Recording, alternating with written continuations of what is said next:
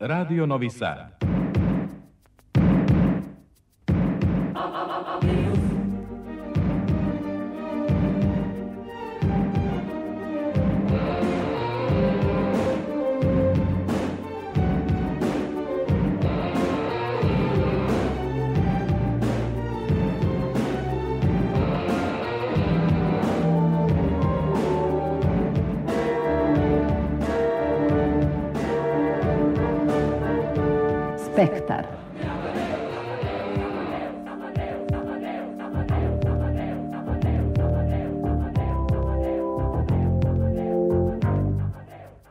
Spektar.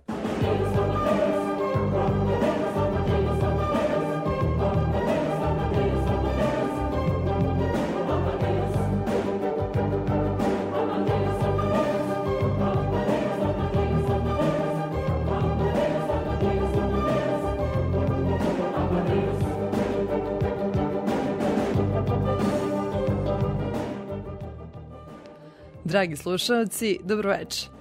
Ja sam Ivana Maletin Ćorilić i želim vam dobrodošlicu u Spektar. Ovo nedeljni magazin za kulturu posvećujemo ženama i ženskom stvaralaštvu, tačnije programskom luku heroine Evropske prestonice kulture, koji je u sredu počeo u Novom Sadu i trajaće do 12. juna. U duhu toga postavljene su četiri izložbe o kojima ćemo večeras govoriti.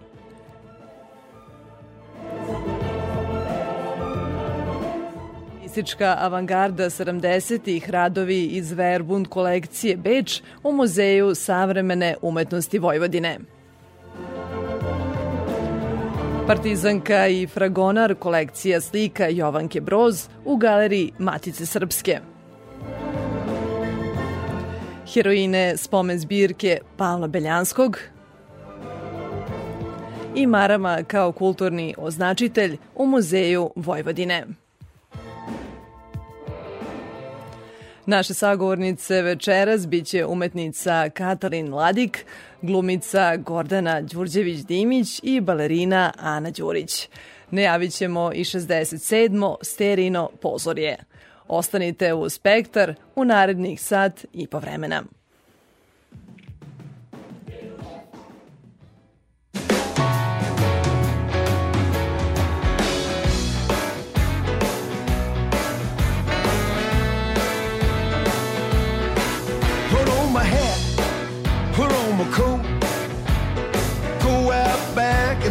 Goat. Nothing but a box of hot donuts on my mind. Go to my car, I check my tire, fill my pocket with my favorite set of pliers. I got some nuts to crack, hope they ain't mine. Got to be the first one up in the morning. You got to catch 'em while they're still in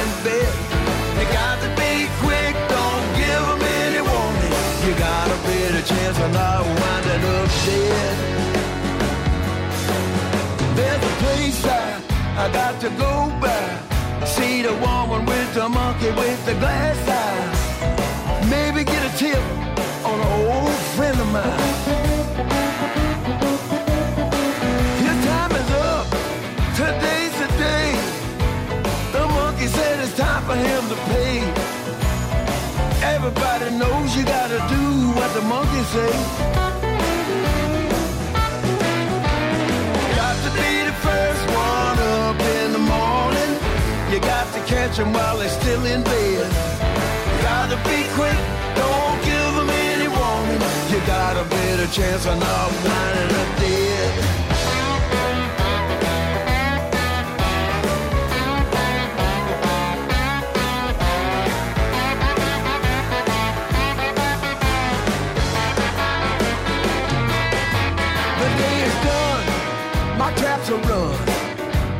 Nothing but another like the other one. A couple of toasts and a cold one, and I'll be fine. Got to be the first one up in the morning. You got to catch 'em while they're still in bed. You gotta be quick, don't give any warning. You got a better chance of not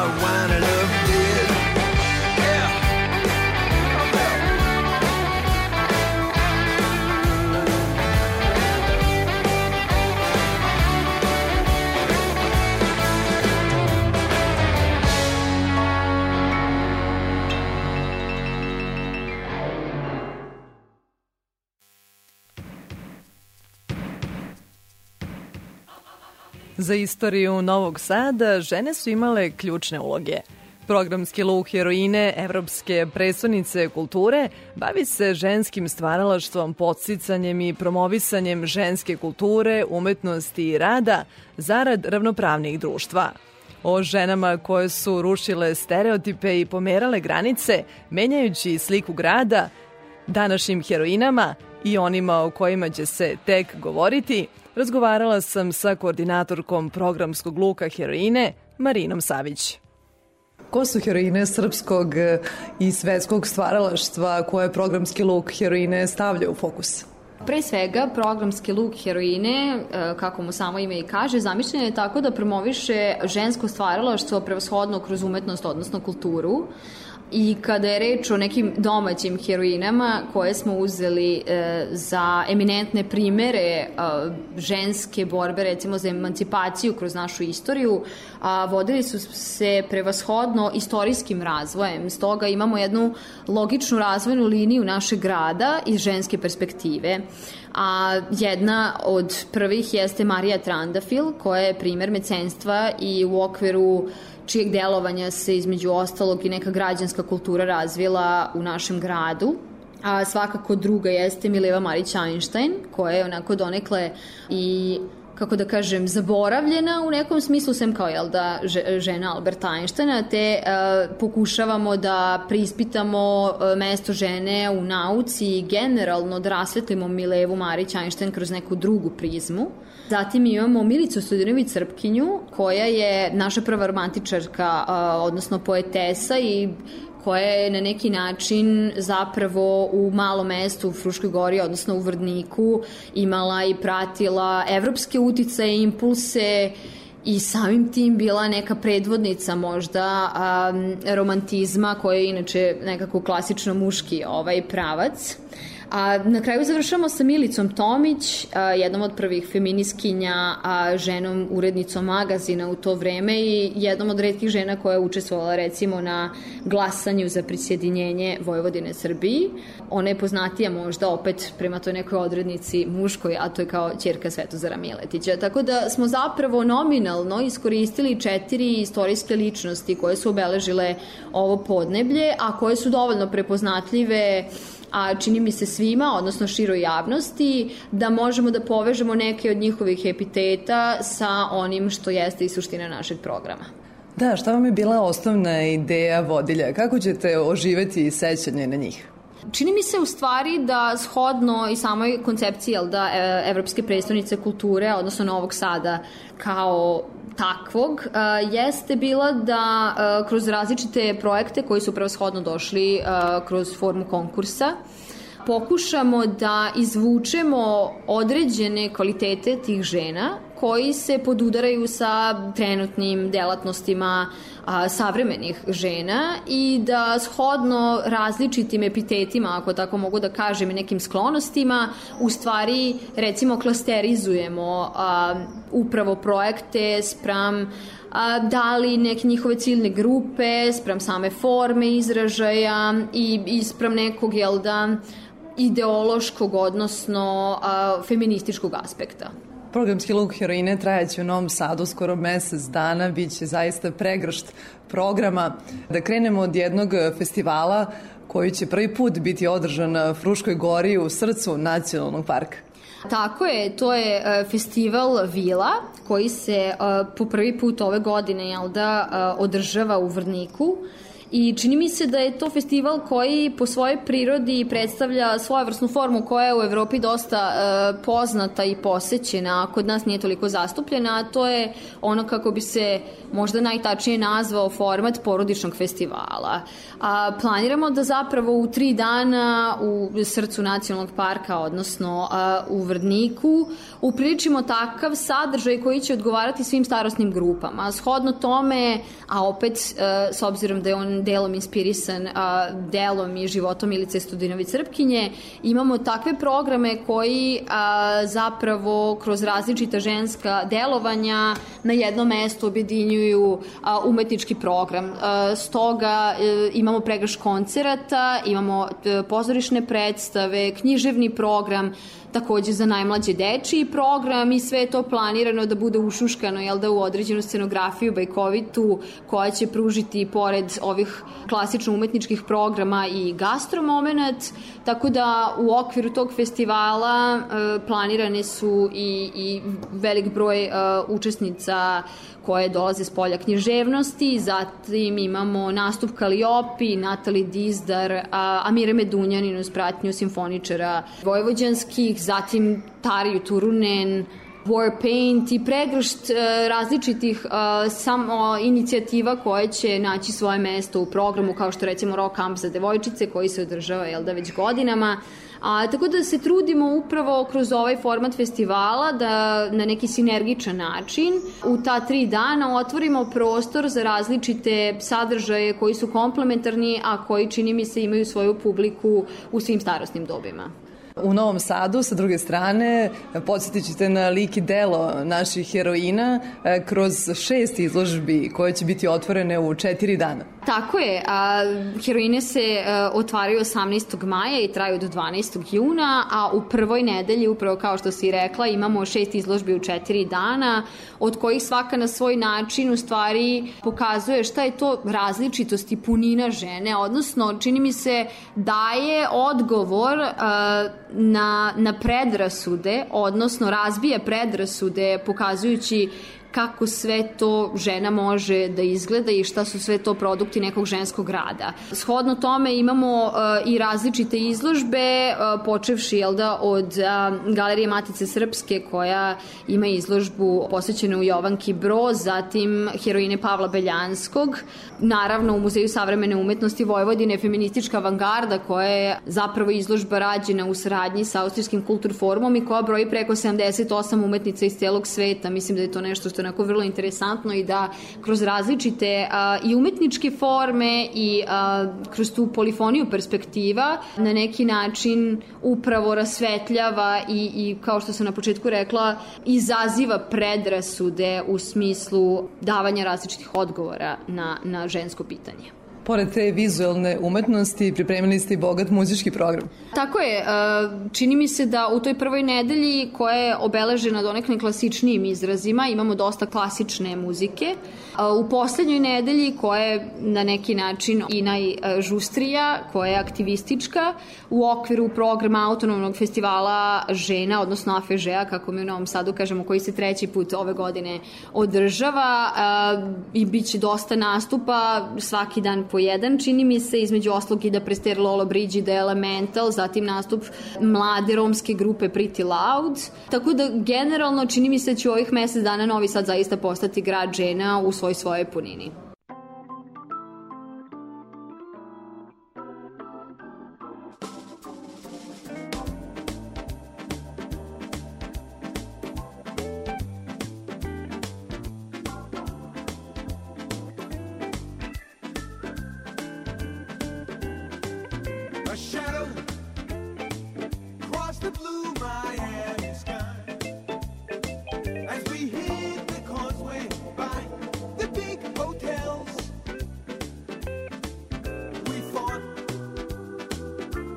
can't remember.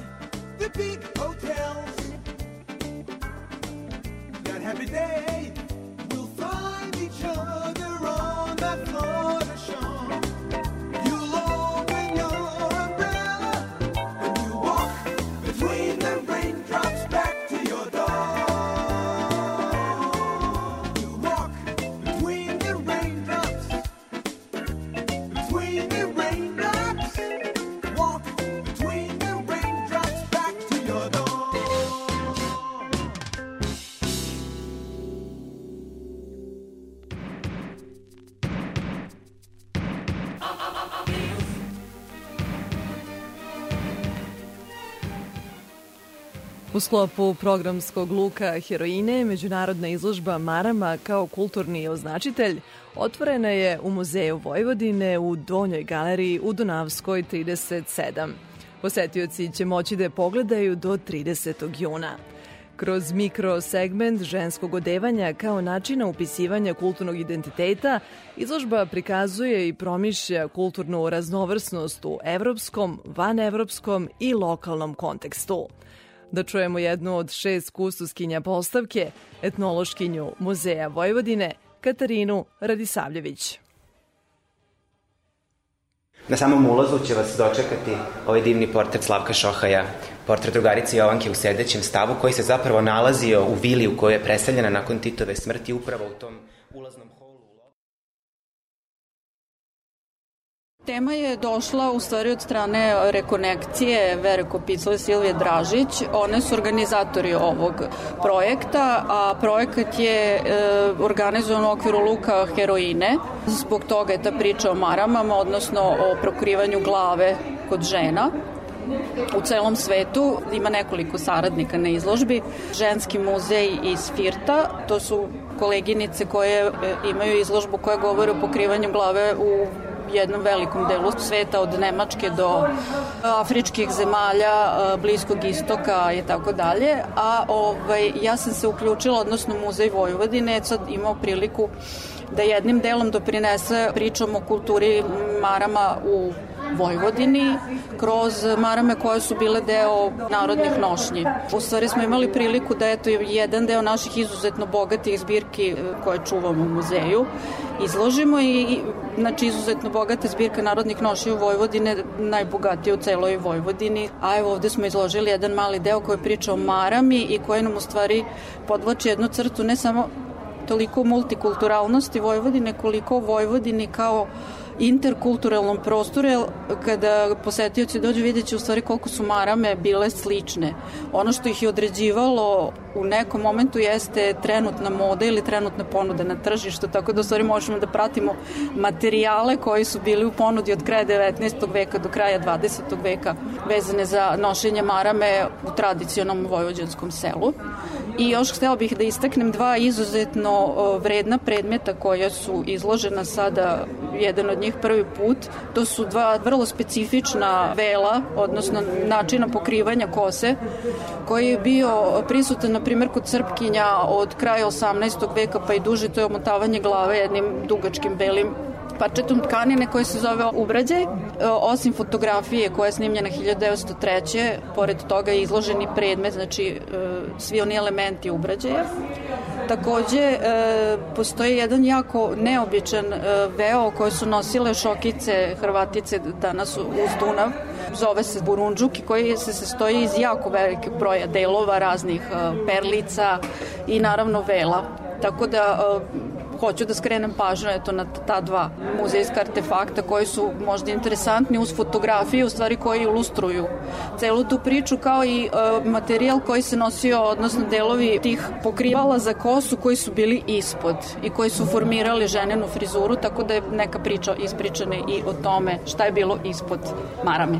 Koja je uloga bila tih marama, do kakvih saznanja ste došli i kako su one uopšte ulogu imale u istoriji i kulturi ovog podneblja? marame, odnosno pokrivanje kose. Sad marama je neki novi, da kažem, proizvod koji je od kraja 19. veka recimo u upotrebi, iako je ona dosta jednostavno parče tkanine, ali pre toga su uglavnom to bile dugačke, dugački materijali koji su se omotavali ili na specifične načine postavljali na glavu, ali e, priča o marami u stvari priča o identitetu društvenom žene. E, žene su pokrivale glavu, naravno pri radu su štitile kosu, međutim e, vezano za svečane neke prilike u životu žena je dobijala u stvari pokrivač za glavu nakon ude.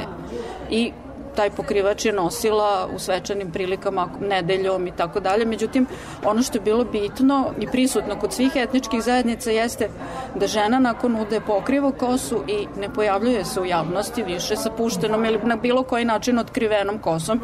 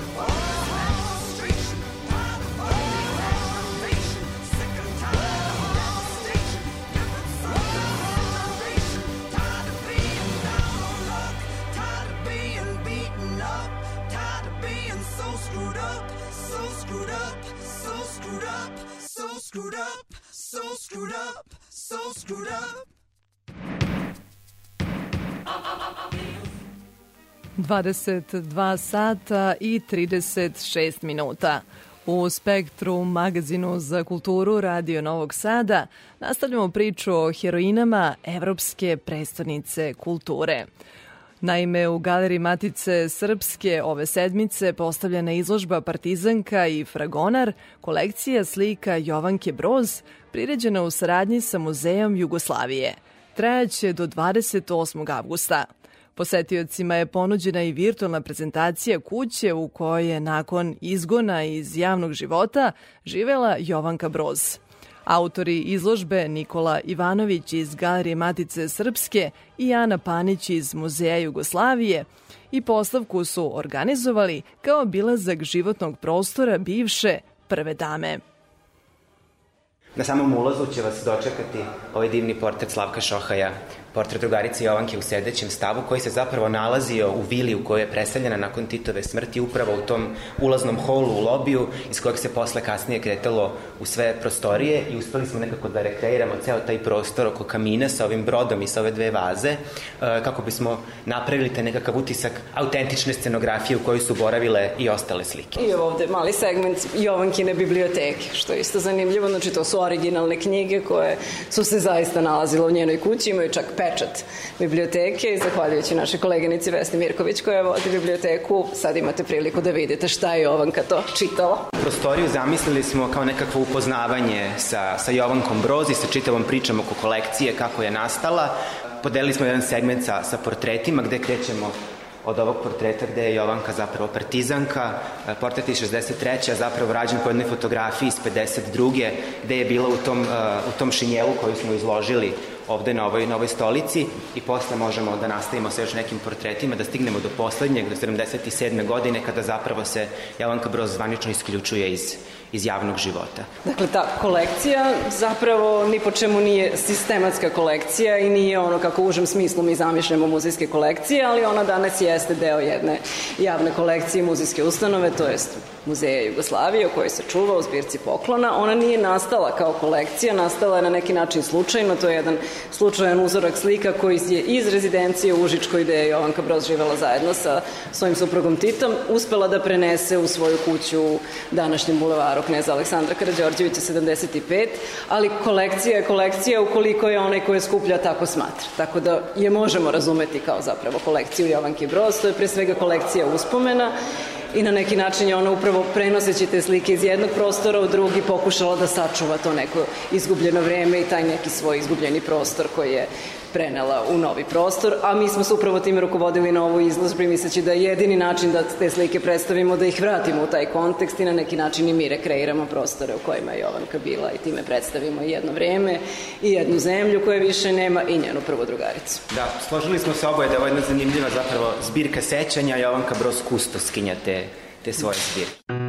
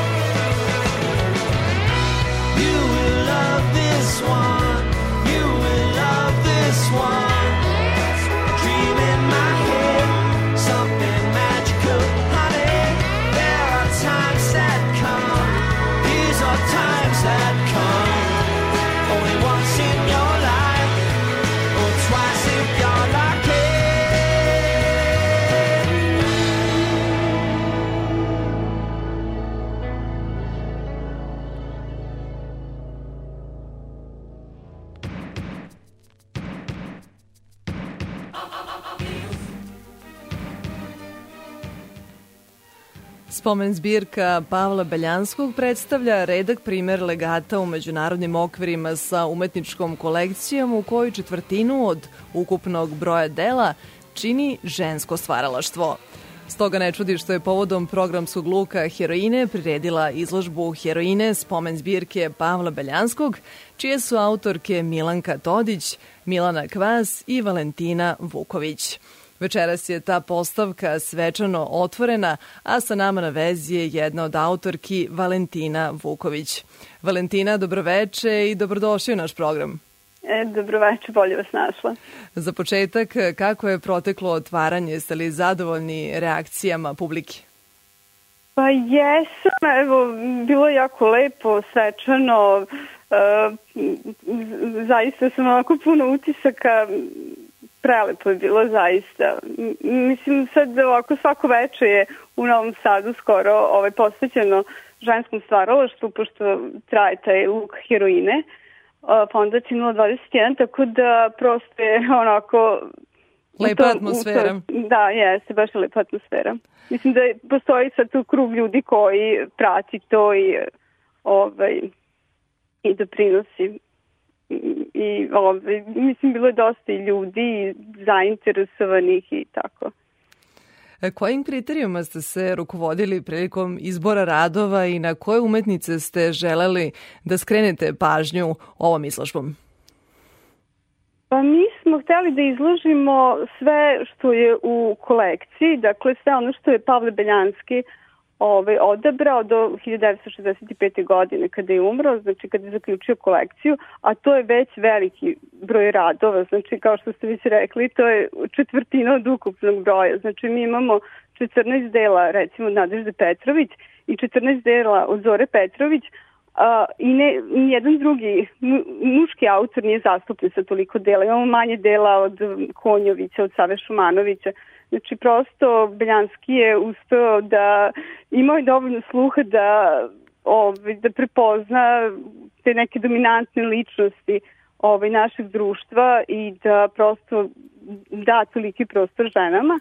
A sem njih, uh, sem Nadežde i Zore, od kojih imamo najveći broj dela, zastupljene su još i ovaj, Milica Zorić, od kojih imamo pet tapiserija, zatim uh, Leposava Bela Pavlović, uh, imamo dva dela, uh, zatim uh, Vidosava Kovačević, tri dela, to je sve pričamo o, o kolekciji, i uh, sad koga sam propustila, uh, Ljubica Sokić, uh, od nje imamo četiri dela I sad e, te de, umetnice od kojih imamo manje dela smo dopunili iz ove likovne zbirke, pošto recimo da Ljubice Cuce Sokić smo prošle godine dobili preko 100 crteža jako interesantni. Tako da imamo puno dela još e, u toj likovnoj zbirci, ali smo po nešto tek izložili, pošto bi ovako napunili ceo muzej, a ova izložba je na gornjem spratu eto, praktično smo ispunili hol i četiri izložbene sale. Da, zanimljivo je da poseban segment postavke čine video prezentacije. Da, to su, ovaj, e, na, napravili smo sedam video prezentacija e, koje su onako biografskog tipa, posvećene su svakoj umetnici po naosob, e, govore znači one neke naj, najznačajnije stvari koje možemo da kažemo ovaj, o nečem stvaralaštvu, o školovanju, o šta je to zanimljivo iz života i tako dalje. I propraćene su ilustracijama, umetničkim delima, tako da e, mislim da su vrlo onako prijemčive i za, pa možda bi mogli i osnovci nešto da ovaj, već da nauče iz njih, mada je recimo i meni su interesantne koja, mislim, imam već onako dosta godina i dosta sam u struci, ali prosto on, edukativnog su tipa. Tako da ovaj, mi ćemo ih sigurno okačiti na YouTube, ćemo ih ovaj, koristiti. Mislim da će imati ovaj, primenu ovako široku i da će biti vrlo korisne. Da, svako će znači, naći nešto po svom ukusu. Da, da. Hteli smo da bude ovako što jednostavnije, da, ovaj, da mogu i školarci i studenti da koriste, ali i da bude ovako i interesantno i, ma, i duhovito i tako ima raznih momenta u njima. Izložba I, her... Ove, da sam da najavim da će biti još jedna video prezentacija posvećena savremenim umetnicima, odnosno ove, nekim paralelama između naših umetnika i savremenih, to će biti sad ove, prezentovano u toku tog pratećeg programa. To je idealna prilika za posetioce da posete spomen zbirku. E, izložba heroine spomen zbirke Pavla Beljanskog trajaće do 17. jula. E, koji još prateći programi će u tom periodu biti realizovani? Pa sledeće, sledeće četvrtka, 26. maja, imamo tribinu koja se zove Umetnica u 20. veku, status i zastupljenost u muzijskim kolekcijama. Tu ćemo pričati sa stručnicima iz regiona, sa profesorima iz Zagreba, Banja Luke, Beograda i muzejskim stručnicima takođe iz ovaj, ove, dve, ove tri države. Uh, pričat ćemo na tu temu, pozvaćemo i umetnike, nadam se da će biti ovako interesantna diskusija i tako malo da vidimo koliko se toga promenilo. Ovaj, e, to je znači jedna, jedna stvar, to je stvar ono što nam je najbliže. 2. juna je e, predavanje upravnice naše Milane Kvas, e, zove se Heroine Pavla Beljanskog. Znači to će biti više neko vođenje kroz postavku i neka osnovna priča o umetnicama. Potom uh, za sedam dana, znači, dakle 9. juna je predavanje Milanke Todić, profesorke koja takođe priča, ove, ona priča ove, o modernim, o heroinama moderne umetnosti, o tome šta, šta, šta, po čemu su one moderne. Dakle, takođe koncentracija na, te, na tih sedam umetnica koje su zastupljene kod nas i na to šta, po čemu, šta je njih emancipovalo, dakle, obrazovanje, rad kao učiteljice, teme koje su se bavile i tako dalje. I kasnije ide sad serija razgovora, ide ovaj, tačno... No, o tome će moći detaljnije da, na vašem da, sajtu da se informiše o tako da, i o datumima da. i temama. Da programa. Valentina, hvala najlepše na uključenju. Molim. Molim. Čuli ste Valentinu Vuković iz spomen zbirke Pavla Beljanskog.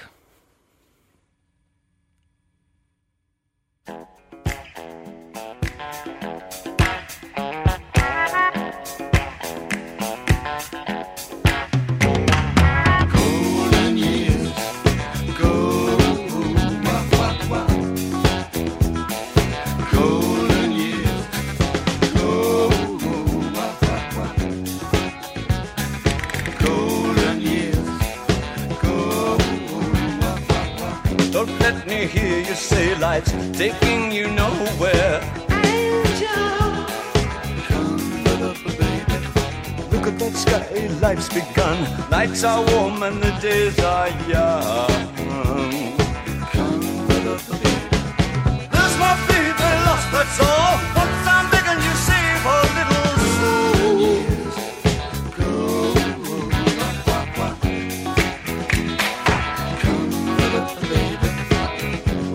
They loved you, opening doors and pulling some strings.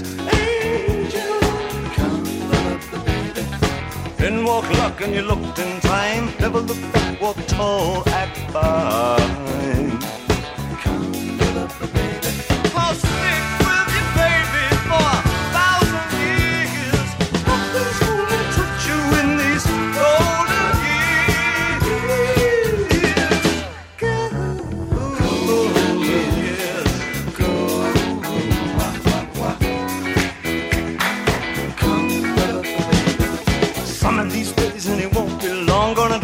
Down where you once belonged. In the back of a dream car 20 foot long. Don't cry my sweet, don't break my heart. Doing alright, we've gotta get smart. Wish upon, wish upon, day upon day. I believe, oh Lord, I believe all the way.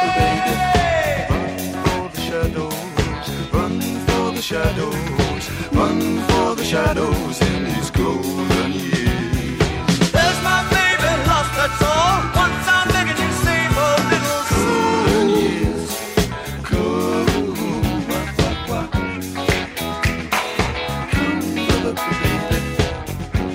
let me hear you say life's taking you nowhere. Angel, come baby.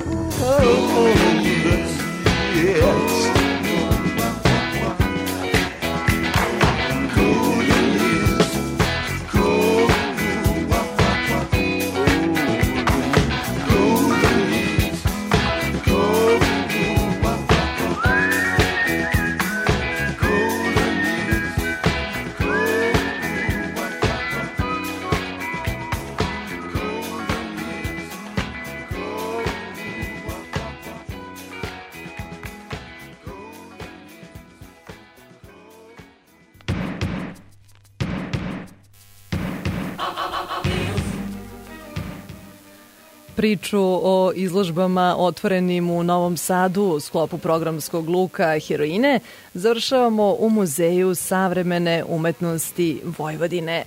Katalin Ladik, mogu li da živim na tvom licu? Romaneskna je životna priča naše velike umetnice.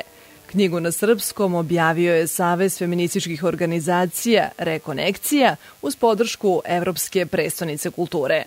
Predstavljena je u Muzeju savremene umetnosti Vojvodine, gde je sinoć otvorena velika izložba feministička avangarda 70-ih, na kojoj su i radovi Katalin Ladik. Sa njom je razgovarala Tatjana Novčić-Matijević. Ja želim ovaj razgovor sa vama da krenem prvo o vašim utiscima sa ove izložbe Feministička avangarda 70-ih. Samom činjenicom da ste vi zapravo svojevrsni nukleus dijaloga umetnica iz sveta i naših. Ima vas i u Verbund kolekciji, ali vas je i Sanja Kojić-Mladenov kao kustoskinja e, našeg dela izložbe naravno sa punim pravom odabrala. Jeste da sam ja 70. godina radila ono što sam osjećala. Mada nisam imala kontakte u svetu šta druge žene rade u svetu. Tada nije bilo tako lako komunicirati. Nisam imala uslove da komuniciram. Bila sam u stalnom radnom odnosu, pa ono, klasičan život žene, udaja e, dete i tako. Znači, ja sam spontano radila sve. I to je, to je tako bilo zapravo sve do, dok nisam počela putovati, znači negde m, krajem 70. i 80. onda sam ja videla šta se radi u svetu i šta se radilo u ono moje vreme. ali to je onako parcijalno sam imala samo uvida, znači to je bilo već 80. godina. Međutim, sada ovo, na ovoj izložbi ja sam zapravo videla malo prošlost, našu prošlost, kreativnu prošlost, šta se radilo 70. godina, pa možda i malo ranije, i onda sam ja bila veoma iznenađena kako po celom svetu žene su isto nekako osjećale, imali isti taj stav prema društvu, prema svom telu i to je bio na neki način kolektivno neko mišljenje ili, ili, ili kolektivni neki osjećaj žena za neko oslobađanje misli e, i, i tela i, i tabua. U tom smislu sam veoma iznenađena, prijatno, i na neki način osjećam opravdanje za sve ono što sam dobila kao kritiku i, i, i svašta sam dobila i kazne i razne za ono što sam učinila, ali evo sada i rezultata da na neki način čak i nagrada za ono što sam što sam trpela i što sam ovako baš verovala u svoju istinu jer sam ja ipak dobila neku, neku reakciju od žena da sam umesto njih uradila ili rekla ili pokazala nešto za što one nisu imali dovoljno hrabrosti. Anđeo, vaš čuvar, evo, s pravom vas je doveo u ovo okruženje sada. Divno je vratiti se, zapravo ja se nikad nisam udaljila od Novog Sada. To Dobro, to se iz poezije ne osjeća, jer poezija je mislim, malo više transcendentalna, ali u mom ovom životopisnom romanu ili romansijernom romanu se bavim ne samo ovim, u ovom romanu koji je štampan prvo na mađarskom 2007. a sada evo upravo sada je promocija ove knjige u prevodu Arpada Vickova na srpski jezik. To je neki, na neki način zapravo autobiografija moja i i lična i, i karijera i stvaralačka. Znači e, celokupna karijera je e, u, kod mene zapravo i kod mnogih drugih osjeća se, o, ja osjećam da imam najmanje tri ličnosti u sebi.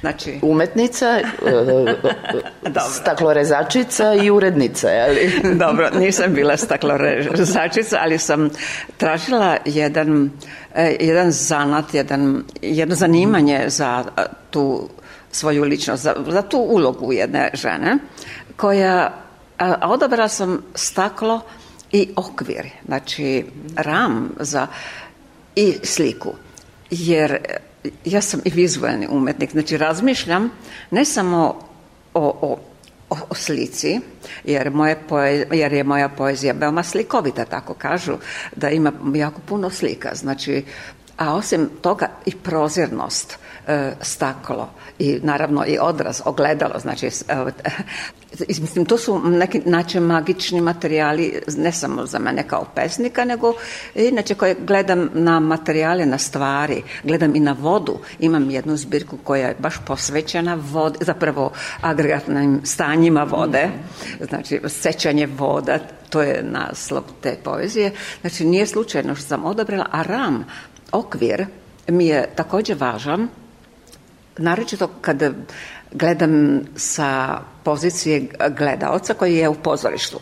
Znači, u pozorištu prikazujemo zapravo e, scena sa zavesama, je, to je okvir i između tih zavesa, zapravo tog okvira se dešava umetnost i slike se uramljuju. Znači, do, do, od rama, znači od jedne i druge je delo, a posle je svet. Znači, zanima me ta, taj deo koju umetnik za stvaraoc ograđuje, e to je to, dokle gledajte, a dalje ne. Dalje ne. Knjiga je naslovljena Katalin Ladik, mogu li da živim na tvom licu? Ne postoji neposrednija i direktnija poruka, jeli? Ja sam čitajući imala osjećaj da sam uplovila u ono što se zove Katalin Ladik more umetnosti. Trebalo mi je to prostranstvo i, i ta prozirnost o kojoj vi govorite. A negde valjda to more e, je bila asocijacija samom činjenicom da, da iz mora je krenuo život. Da, u originalnom mađarskom imam znak pitanja, znači i to I to je, mislim, neobično isto da u naslovu, čovek naslovu knjige ima znak pitanja. A i nadreal, nadrealistički je malo i to pitanje da neko živi na pomnicu. Znači, već, e, sa, već, već nas, se naslučuje da se radi o više ličnosti e, u jednoj osobi.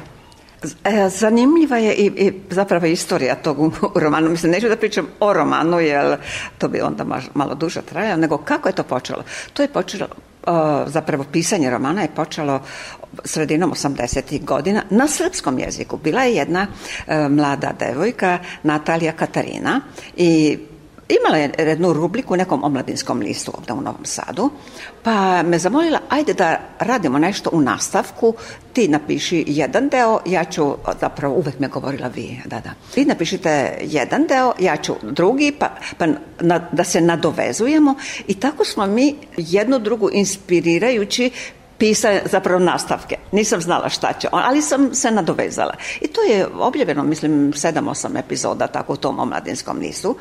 Ona je za godinu dana nakon toga otišla u Englesku i to se prekinulo i to je tako, evo, ostalo, ali na srpskom sam pisala početak. I prošle su godine, počeo je rat, ja otišla iz eh, Novog Sada i znači od sredine 80-ih pa sve do 92. ali čak do 96. ja nisam ni pipnula taj rukopis, bila sam zauzeta početak, evo, no, novi, počela sam novi život u 50. godini i stvarno na jednom stranom terenu, terenu i tako. I 86. sam se ja onda ako nekako setila šta bi bilo da ja prevedem to na mađarski jezik. Pa zapravo počela sam da živim onim životom, da nastavim koji sam imala u Novom Sadu. Znači, objavljivanje, poezije, pisanje, ovo, ono, i setila sam se tog rukopisa i odvojila sam moj deo od Natalije Katarine i onda smislila priču. Ali ono što se odnosi na nju, to je nekako ostalo i malo sam ja to obradila, Pa sam onda smislila ovu moju priču o tri lika, koje, dve, dve osobe koje su mi imenjakine, imenjakine žive u Novom Sadu, a treća osoba u Budimpešti. Zapravo i to je dokument, istina. Jasno, a da. zašto sam dve? Zato što sam jedno kratko vreme imala dve adrese. Mm -hmm. no, I o tome pišete, da. Da, da to je u Lađarskoj ulici, da, da naslov je kao Save Vukovića 18, a zapravo kući sve je u Lađarskoj bez prozora. E, a, a, a Druga, drugi stan je u Solunskoj, znači na detalinari. To je isto dokument, znači ja sam imala račune i, i tamo i tamo da platim račune, struje, ovo, ono. I, to me, I tako sam ja ismislila te dve žene i treća Katalin koja sam ja bila, a izvesla, bila sam urednica jednog književnog časopisa zaista uputim, da to je sve istina. I tako ta tri lika, tri jemenjakinje, e, tako da sam podelila svoju ličnost na onu koja je realna i za vreme rata pokušava da preživi kao i svi mi i znate već kako se to živelo ti 90. godina za vreme rata. Onda umetnica koja je poznata, je ta umetnica i onda, a treća ličnost u meni je ta žena koja na neki način preživi kao majka hrabrosti kod Brehta, e, ta uloga e, i zaista je, to, su to moje ličnosti i tako sam tu priču e, dokumentovala zaista da postoje te tri ličnosti u meni i onda to naravno malo bilo i fiktivnih elemenata i tako kako, je to. Kako romaneskna proza da, zahteva, da, da, da, naravno. Da. Knjiga počinje hvarskim dnevnicima. To ste, da, to, je, to je pisano na zahtev tamo. To je okvirna priča, to je okvirna priča, i, međutim ja sada nastavljam, zapravo ja sam već skoro gotova i sa drugim, sa nastavkom ovog romana, znači opet e, tri osobe, tri Katalin, ali naravno mnogo, mnogo decenija kasnije. I tu sam već, trebala bih da već da završim, a uvek ima nešto što, znači i to se piše dugo, i, ali ova druga i naravno i, i prva se nalazi na, u Novom Sadu, radi onova, ali ova na, druga naročito, e, opet tri lokacije, Novi Sad, Budimpešta i Hvar.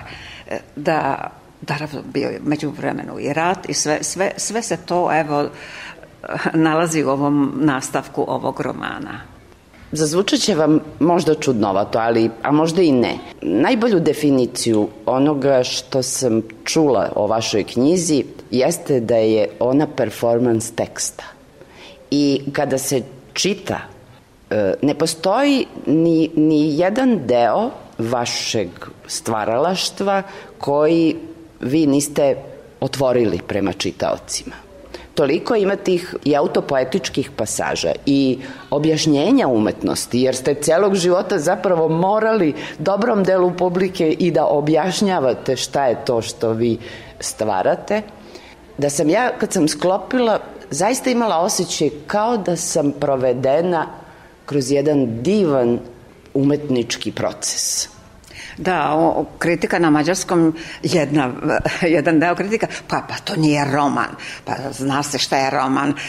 Jest, nije, jeste, da to nije roman, jer naravno ti vizualni prilozi nisu ilustracija, nisu prilozi, nego su deo, sastavni deo e, teksta. Praktično i dokumenti. Dok, dokumenti i teksta, znači to je sastavni deo, a nije ono kao ilustracija. Ne, ne, ono, pa od, od, od, slike, pa fotografije i mislim ti kolaži koji su tamo su sastavni deo i zapravo proširuju granice teksta i sveta teksta. Bez obzira da li je to dokument ili, ili, ili vizualni rad, e, tako da to nije u, u tom smislu roman, niti je... E, da, dobro kažete, performance teksta, zanimljiv izraz, nisam to još čula, ali hvala vam za to. E, hvala vama na ovom razgovoru i sa zadovoljstvom ćemo čekati sledeću knjigu da čitam. Daj Bože da doživim, da, da, da imam snage i vremena da dovršim, bar na mađarskom i onda nadam se da će onda prevod opet us, biti uspešan kao i ovaj. E, da, vaša zapravo karijera je svetska. Da, ova, A, ali književna je ipak e, mađarska i jugoslovenska. Jasno. I... Imam ja i prevedene, prevedenu poeziju na druge jezike, imam, imam. Ali ipak ovo tlo, i drago mi je što je prevedena na srpski, jer, jer radi se o nama koji smo tu živeli, multietnički ili multikulturalni ljudi koji smo u tom u tom duhu ovaj, odrasli, rođeni i odrasli. Da, da, to prosto identitet. Da, da, da, da, da, da. I zato mi je drago da se upravo u Novom Sadu objavljuje.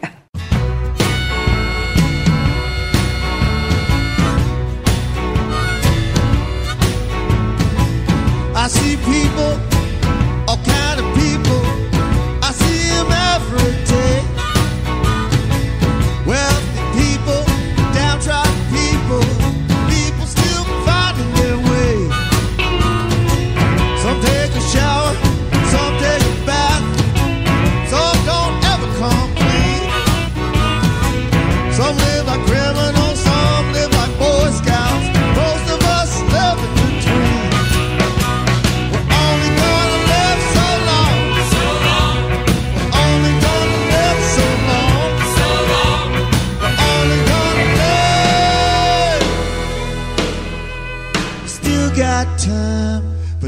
quite as much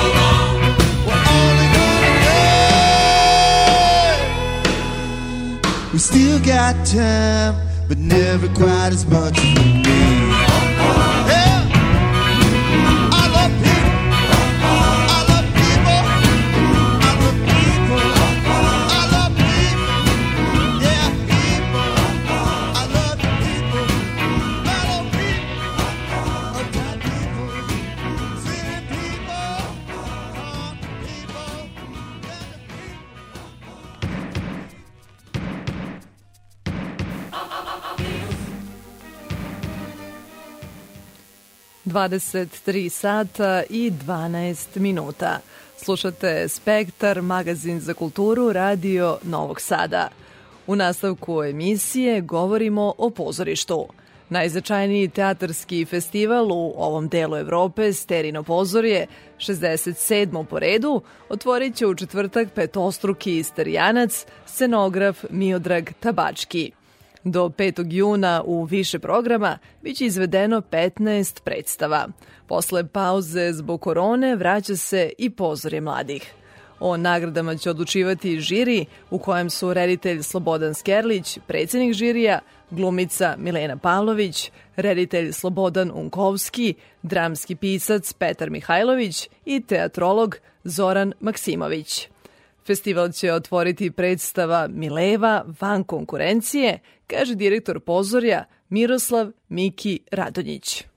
Na otvaranju Sternog pozorja 26. maja biti izvedena predstava van konkurencije, to je koprodukcija Sterinog pozorja sa Fondacijom Evropske predstavca kulture Novi Sad 2022, Narodno pozorište Sombor i u sklopu tog eh, programskog luka Heroine eh, Evropske predstavnice kulture biće izvedena predstava čiji je radni naslov Mileva, a reč je o Milevi Marić Einstein. Naime, mi smo angažovali pet autorki da napišu jedan novi tekst o Milevi Marić Einstein, koji su napisali svake svoje perspektive tekstove, a onda su ta, te, tih pet tekstova obličile Anica Tomić, rediteljka iz Zagreba i Jelena Kovačić koja će raditi kao dramaturg na predstavi, a autorke su tih tekstova Minja Bogavac, Tijana Grumić, Olga Dimitrijević, Vedrana Klepica iz Zagreba i Vedrana Božinović iz Sarajeva, dakle jedan regionalni projekat i time će biti otvoreno Sterino pozorje, dakle 26. maja na velikoj sceni Srpskog narodnog pozorišta.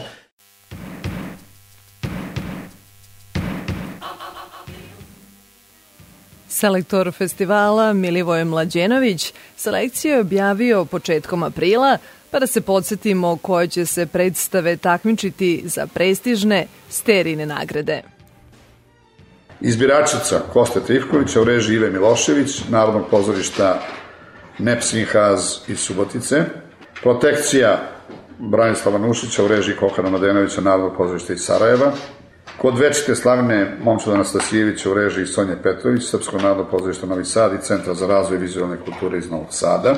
To je treća predstava. Četvrta predstava je Čudo u Šarganu, prema delu Ljubomira Simovića u režiji Jagoša Markovića, Jugoslovenskog dramskog pozorišta u Beogradu.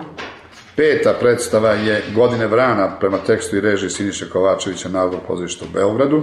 Šesta predstava je Roller Coaster te, po tekstu Jelene Kajgu u režiji Milice Kralj Atelja 212 iz Beograda. Sedmo, poslednje devojčice prema tekstu Maje Pelević u režiji Kokana Mladenovića u izvođenju ansambla pozorišta Deže Kostodanje iz Subotice. Zatim Fleke prema drami Tijane Grumić u režiji Juga Đorđevića Kraljevaškog pozorišta. Bludni dani Kuratog Džonija prema tekstu Filipa Grujića u dramatizaciji Dimitrija Kokanova u režiji Jovane Tomić, Novosadskog pozorišta i Sterino pozor iz Novog Sada. To je, dakle, tih devet. Opredelili smo se za onaj maksimalan broj predstava prema propozicijama od 7 do 9.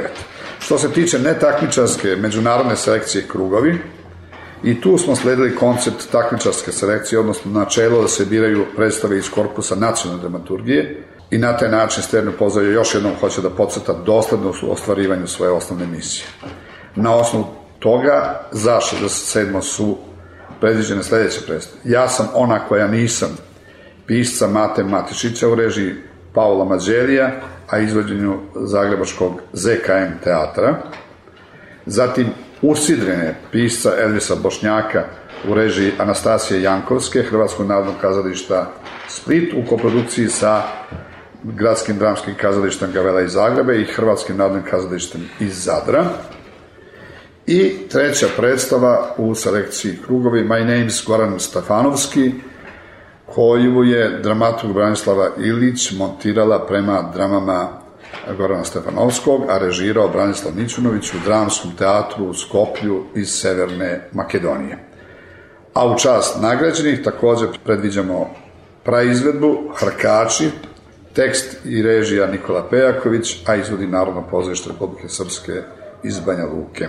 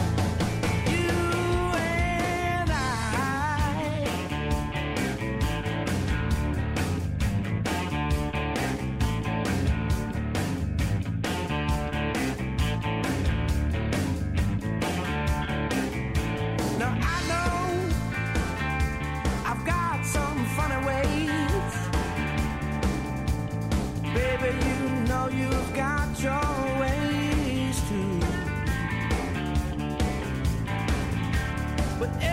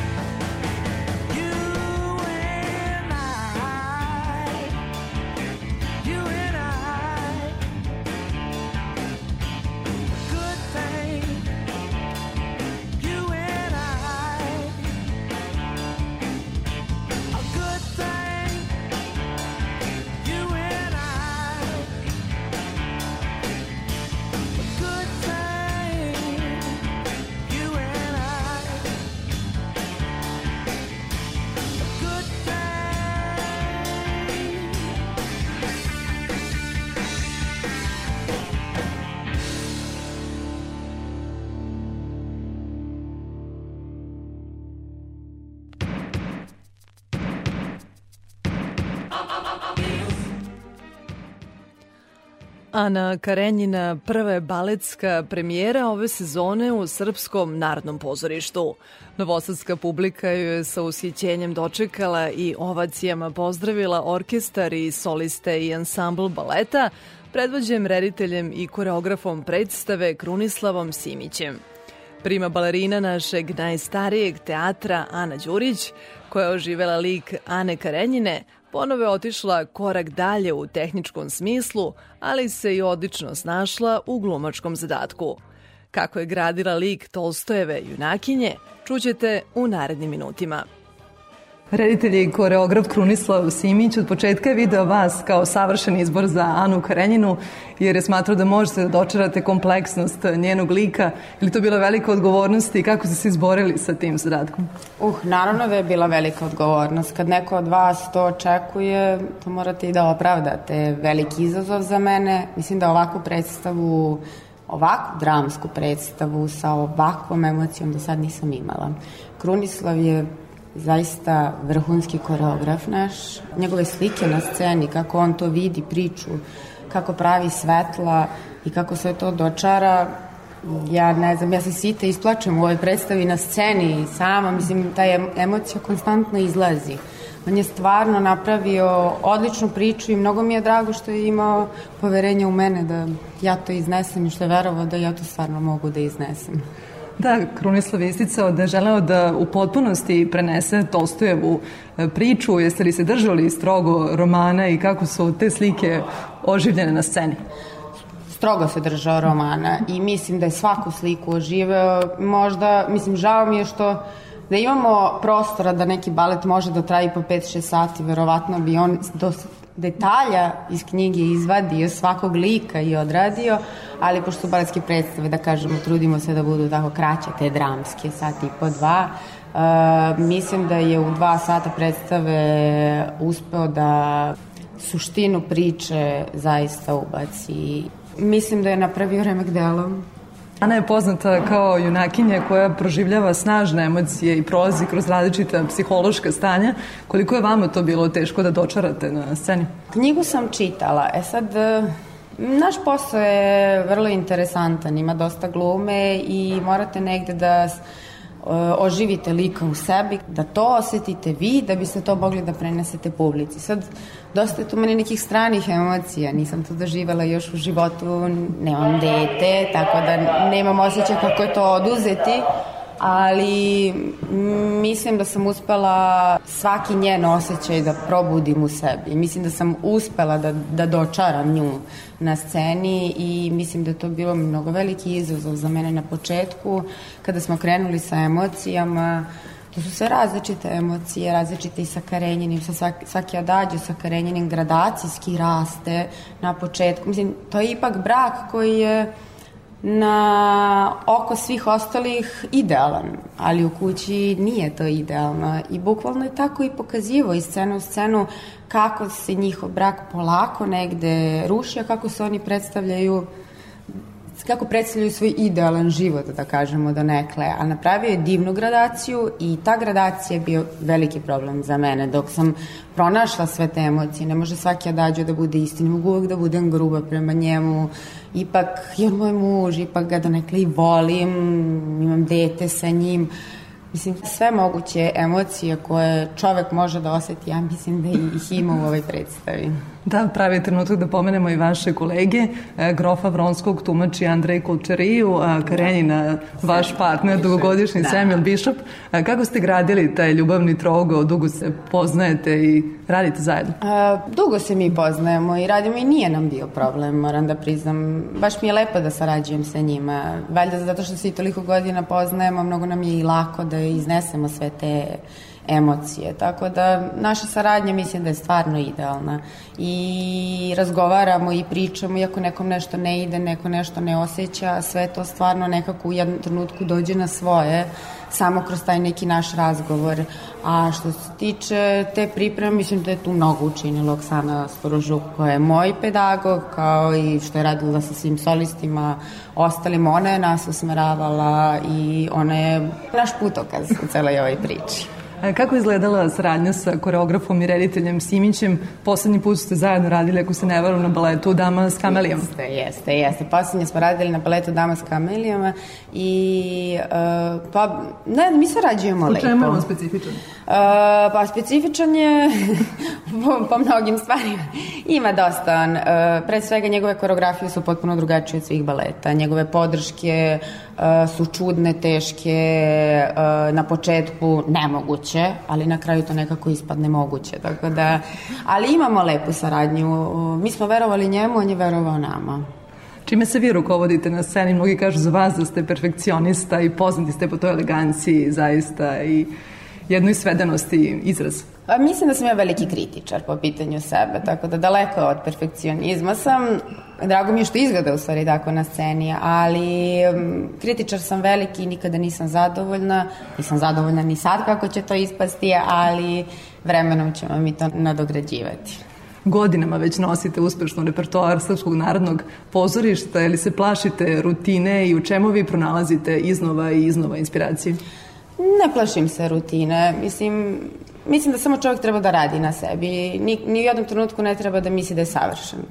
Mislim da uvek treba da bude svestan svojih mana i svojih nedostataka i samim tim kako je svestan toga, samim tim će i napredovati svaki dan i ne treba preskakati po 3-4 stepenika, jedan po jedan, polako i mislim da će se to vremenom nakon 10 godina ćemo stići do nekog četvrtog, petog sprata i to će se videti ta velika razlika. I za kraj Ana Krenjina je prva baletska premijera ove godine. Prošle godine balet je napravio iskorak sa modernim baletom Adam Butterfly, ali sa našim domaćim biserom Ohridskom legendom. E, koje od tih dela su najbliže vašem umetničkom senzibilitetu i šta vas najviše privlači? Svaka predstava me privlači na neki svoj način, to moram da kažem, ali Ana Karenjina je sad stvarno nešto novo za mene, neki izazov i nešto drugačije i nešto što mi je toliko priraslo srcu da bojim se da mi negde ne pobegne. I evo, samo za kraj moram da konstatujem prelepi kostim koji nosite. Hvala. Koliko kostimi pomažu u toj krajnjoj izvedbi? Kako se osjećate u ovoj? U, dosta pomažu. Dosta pomažu. To ne mogu da grešim dušu. To mnogo je lakše igrati kada ste lepi. Lepše se osjećate.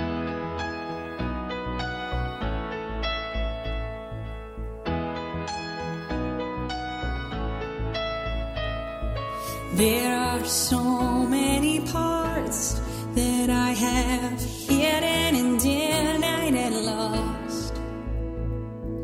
There are so many ways that I have cut off my nose despite my face. There are so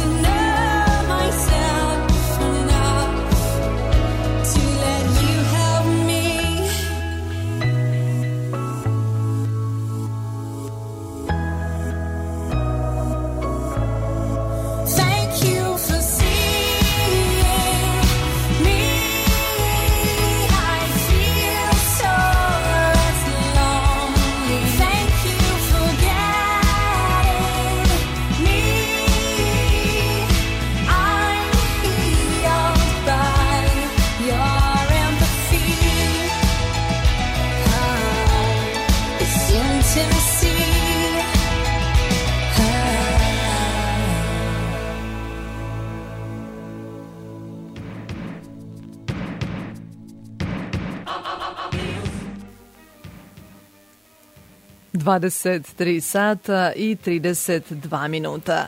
Za kraj emisije Spektar ostavili smo vam priču o još jednoj našoj heroini. Gordana Đurđević-Dimić, dobitnica je pokrajinskog priznanja u oblasti umetnosti Pavle Jovanović. To je samo jedna u nizu nagrada prvakinje drame Srpskog narodnog pozorišta koja je poslužila kao povod za razgovor. Zabeležio kolega Boro Lazukić. Kada neko iza sebe ima nagradu Žanka Stokić, dve sterijine nagrade, Nušićevu nagradu za životno delo, dva zlatna ćurana ili nagradu Milivoje Živanović, kao što ih upravo u svojoj kolekciji ima prvakinja drame Srpskog narodnog pozorišta Gordana Đurđević-Dimić, onda je logično usledi i godišnja nagrada Pavle Jovanović, koju svake godine dodeljuje pokrajinska vlada Vojvodine za dostignuće u oblasti kulture – Ipak iskreno, uz sve nabrojane, ali i one nepomenute nagrade, ne očekujete da će plaketu Pavla Jovanovića primiti sa toliko ushićenja. Pa veruj mi da se ja isto tako osjećam nekako ovaj tu je omiljeni slikar. E, e, sa njim se upoznajete na samom početku e, nekog ovaj svog, kako bih rekla, odrastanja. Znači u prvim, u petom, šestom, sedmom razredu vi već imate priliku da vidite primere iz istorije, pa sve to ilustrovano njegovim ovaj, žanr slikama. Pomenula sam i Kićenje neveste i Borbu Petlova i Mačeva oca i tako dalje a onda ovaj, kada se malo zainteresujete za njegov život, on je posebna pojava. Malo je takvih slikara koji su bili, koji su vodili tako jedan uravnoteženi život, bili su i bogati, ali nekako su bili i moralno visoki i taj njegov, eh, i taj ljubavnjen njegov život sa eh, voljenom Muni i to je nekako posebna inspiracija, bar nama, ženama, glumicama. Tako da ja njega posebno doživljavam i eto desilo se da dobijem nagradu s njegovim imenom. Ne mogu da vam opišem koliko sam i radosna i uzbuđena i ushićena kako god. Zahvaljujući na ovom priznanju, Gordana Đurđević-Dimić poručuje da je jedino umetnik koji je ukorenjen u svom narodu, ponosan na njegovu nacionalnu istoriju i heroizam, može da crpi snagu za svoju umetnost. Tu dozu patriotizma kao umetničke inspiracije prepoznala je upravo u Pavlu Jovanoviću, po kome nagrada i nosi ime. Tako je. Ja bih rekla da je on više uradio svojim ovaj, e, slikama za buđenje i da, da, održavanje plama tog nacionalnog e, jedinstva i o potrebi ujedinjenja tih južnih Slovena svoje vremeno.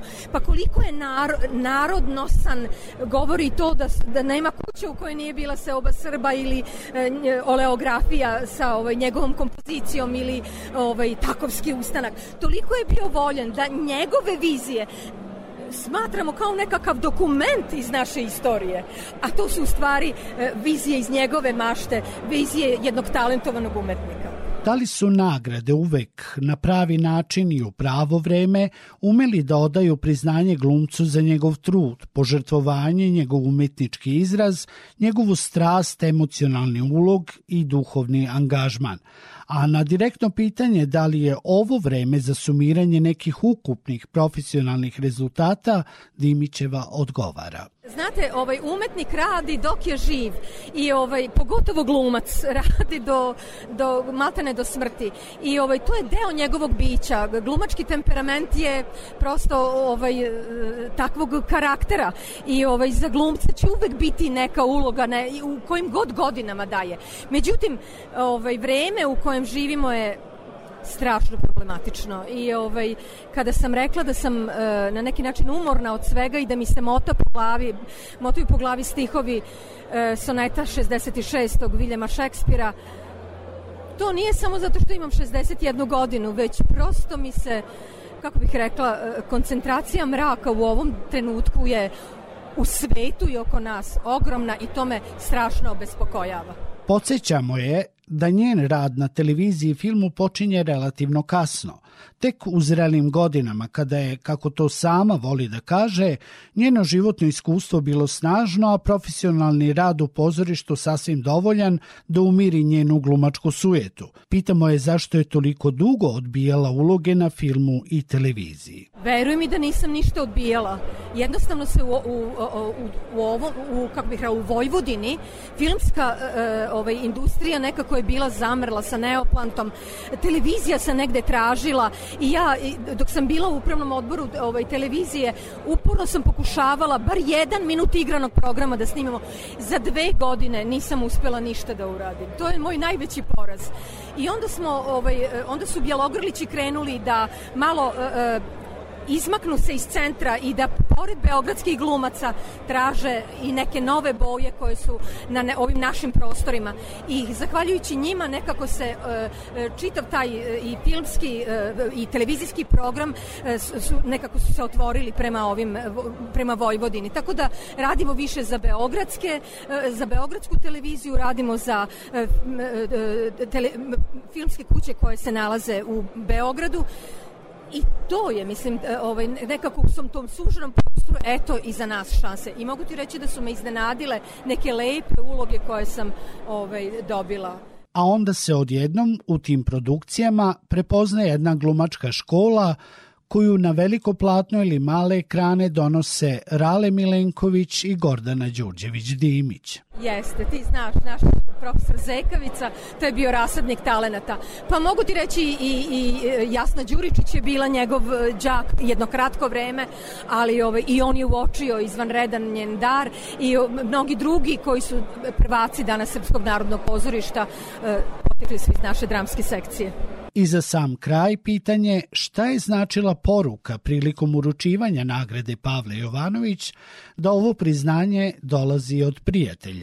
To znači da sa, to su ljudi sa kojima delite i, e, ista i kulturna i umetnička i društvena neka, e, ovaj, e, neke vrednosti e, i moralne, a sa nekima od njih delite i e, određena duhovna nastrojenja. I samo ljudi koji vas vole mogu tako štedro da ovaj, vas nagrade. Čak po mom mišljenju i previsoko procenjujući moj doprinos kulturi i umetnosti koji do duše traje 40 godina. I ovaj, e, ja sam im beskreno zahvalna. Ali kako kaže Vladika Nikolaj, uvek su me e, e, glede vlastitog posla i onoga čime se bavim, uvek su me ovaj, više uh, na pravu stranu upućivali neprijatelji, tako da jednim uhom osluškujemo i šta kritičari, strogi kritičari koji vam nisu baš skloni, imaju da kažu o tome šta smo radili za ovih 40 godina. Sa druge strane, šta drugo i može da bude nagrađeno ili možda da bude primećeno u igri jednog glumca, nego njegov talenat koji zapravo jeste mera kvaliteta u svemu što radi i kada je na sceni i kada je van nje. A Gordani Đuđević-Dimić je upravo taj raskošni talenat još pre četiri decenije trasirao put uspeha.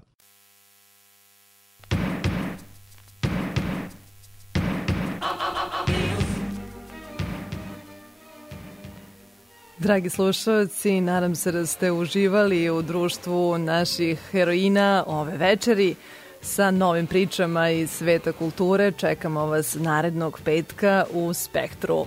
Moje ime je Ivana Maletin Ćorilić i želim vam prijetan vikend.